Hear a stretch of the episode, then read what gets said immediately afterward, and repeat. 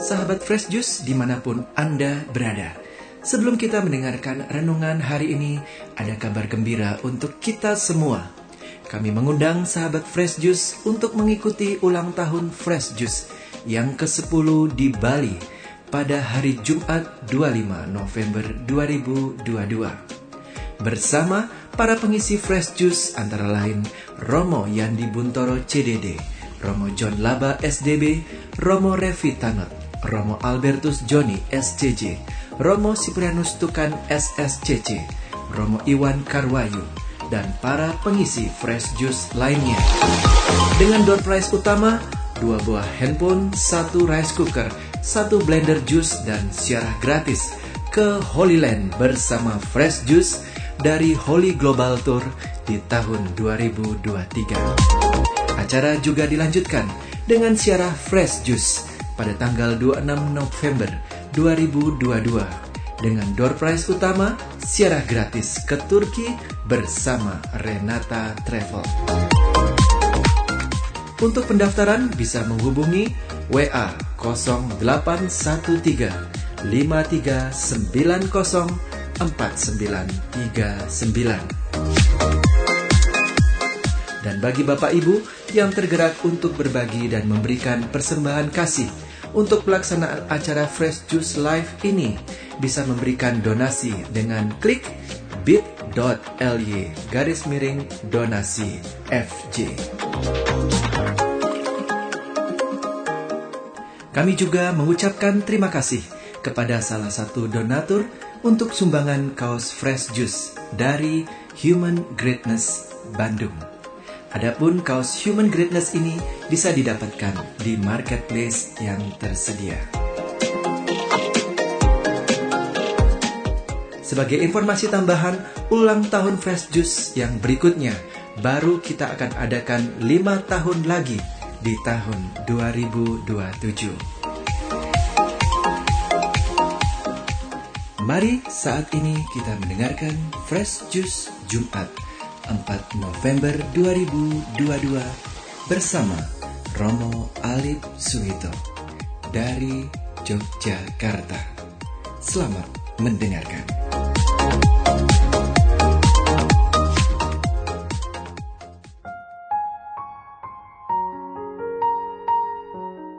Para sahabat dan pemirsa Fresh yang berbahagia, bersama dengan saya Romo Alip dari Gereja Kristus Raja Bajiro di Yogyakarta, pada hari ini Jumat 4 November, saya mengajak dan mengundang para sahabat dan pemirsa Juice untuk merenungkan Sabda Tuhan, di mana Injil hari ini diambil dari Injil Lukas bab 16 ayat 1 sampai dengan 8. Dan mari kita menyiapkan hati, kita merenungkan Sabda Tuhan hari ini. Dalam nama Bapa dan Putra dan Roh Kudus, amin. Allah Bapa yang penuh cinta kasih, kami mohon karunia Roh Kudusmu, dalam permenungan sabdamu pada hari ini. Semoga Fresh hari ini menyegarkan jiwa kami karena sabda yang kau anugerahkan kepada kami. Demi Kristus Tuhan dan pengantara kami. Amin. Tuhan bersamamu dan bersama rohmu. Inilah Injil suci menurut Lukas. Dimuliakanlah Tuhan. Injil Lukas bab 16 ayat 1 sampai dengan 8. Pada suatu ketika, berkatalah Yesus kepada murid-muridnya, ada seorang kaya yang mempunyai seorang bendahara. Kepadanya disampaikan tuduhan bahwa bendahara itu menghamburkan miliknya. Maka si kaya itu memanggil bendaharanya dan berkata, Apa yang telah kudengar tentang dirimu? Berilah pertanggungjawaban atas urusanmu, sebab engkau tidak boleh bekerja sebagai bendahara lagi Berkatalah bendahara itu dalam hatinya, apakah yang harus kuperbuat? Tuanku memecat aku dari jabatanku. Mencangkul aku tidak dapat, mengemis aku malu. Aku tahu apa yang akan kuperbuat supaya apabila aku dipecat dari jabatanku sebagai bendahara, ada orang yang mau menampung aku di rumah mereka. Lalu ia memanggil satu demi satu orang yang berhutang kepada tuannya Berkatalah ia kepada yang pertama, Berapa besar utangmu pada tuanku? Jawab orang itu, seratus tempayan minyak. Lalu kata bendahara itu, inilah surat utangmu, duduklah dan buatlah surat utang lain sekarang juga 50 tempayan. Kemudian ia berkata kepada yang lain, dan saudara berapa utangmu? Jawab orang itu, 100 pikul gandum. Katanya kepada orang itu, inilah surat utangmu, buatlah surat utang lain, 80 pikul. Bendahara yang tidak jujur itu dipuji Tuhannya karena ia telah bertindak dengan cerdik. Sebab anak-anak dunia ini lebih cerdik terhadap sesamanya daripada anak-anak terang. Demikianlah sabda Tuhan, terpujilah Kristus. Anak-anak dunia ini lebih cerdik terhadap sesamanya daripada anak-anak terang. Para sahabat dan pemirsa Yesus yang berbahagia, satu hal yang menurut saya baik dan penting untuk kita renungkan dari sabda Tuhan hari ini adalah kita diminta untuk lebih sering memohon rahmat kebijaksanaan.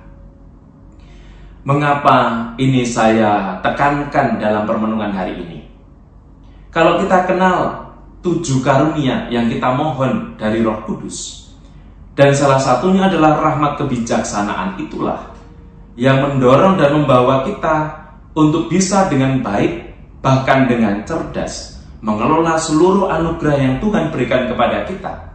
Seperti dalam perumpamaan tadi, bagaimana bendahara yang akan dipecat, lalu dia membuat segala sesuatu supaya ketika tuannya memecat dia, ada orang yang menerimanya. Dan kita sebagai anak-anak terang perlu membangun sikap yang kurang lebih sama. Bukan pertama-tama supaya kita diterima dengan tindakan dan sikap kita, tetapi dengan bijaksana kita mampu mengelola seluruh kehidupan kita, termasuk relasi kita dengan Tuhan dan dengan sesama. Maka kalau kita hari ini Jumat pertama, kita berdevosi pada hati kudus Tuhan Yesus dan juga kerahiman ilahi, kita ingin belajar dan memohon rahmat kebijaksanaan itu supaya dari aneka rezeki, rahmat karunia yang Tuhan percayakan kepada kita, kita dengan jelas dan juga dengan tegas mampu mengelola segala anugerah itu dengan kebijaksanaan yang Tuhan berikan kepada kita. Beberapa hal yang boleh saya syukuri di paroki kami di Gereja Kristus Raja Baciro adalah Salah satunya dengan Gede Laudatosi atau bahkan dengan Studio Kolose menjadi jembatan dan sarana bagi kami untuk belajar mengelola seluruh rahmat Tuhan itu dan dengan kebijaksanaan melibatkan semakin banyak orang sehingga tujuan yang utama kemuliaan Tuhan menjadi jelas di tempat di mana kami berada ini. Maka undangan bagi kita hari ini, mari kita bersama-sama tidak pernah jenuh untuk mohon rahmat kebijaksanaan supaya dengan demikian hakikat kita sebagai anak-anak terang semakin dimampukan untuk membawa banyak orang mengalami keselamatan Tuhan. Semoga permenungan hari ini di Jumat pertama ini meneguhkan pejiaran kita untuk menjadi anak-anak terang yang bijaksana. Allah Bapa yang Maha Baik, kami bersyukur Semoga Engkau selalu mendampingi dan menyertai kami untuk belajar menjadi anak terang yang penuh dengan kebijaksanaan, mengelola berbagai macam karunia yang Kau berikan pada kami. Demi Kristus Tuhan dan pengantara kami. Amin. Tuhan bersamamu dan bersama rohmu. Semoga tugas, pelayanan, dan berbagai macam aktivitas hidup kita hari ini diberkati Allah yang Maha Kuasa, Bapa dan Putra dan Roh Kudus. Amin. Selamat beraktivitas, Tuhan memberkati, dan jangan lupa ngeteh karena nggak ada kopi, senantiasa dalam lindungan dan berkat Tuhan. Berkat dalam. Sahabat Fresh Juice, kita baru saja mendengarkan Fresh Juice Jumat 4 November 2022. Terima kasih kepada Romo Alip Suito untuk renungannya pada hari ini. Sampai berjumpa kembali dalam Fresh Juice edisi selanjutnya. jaga kesehatan, dan salam fresh juice.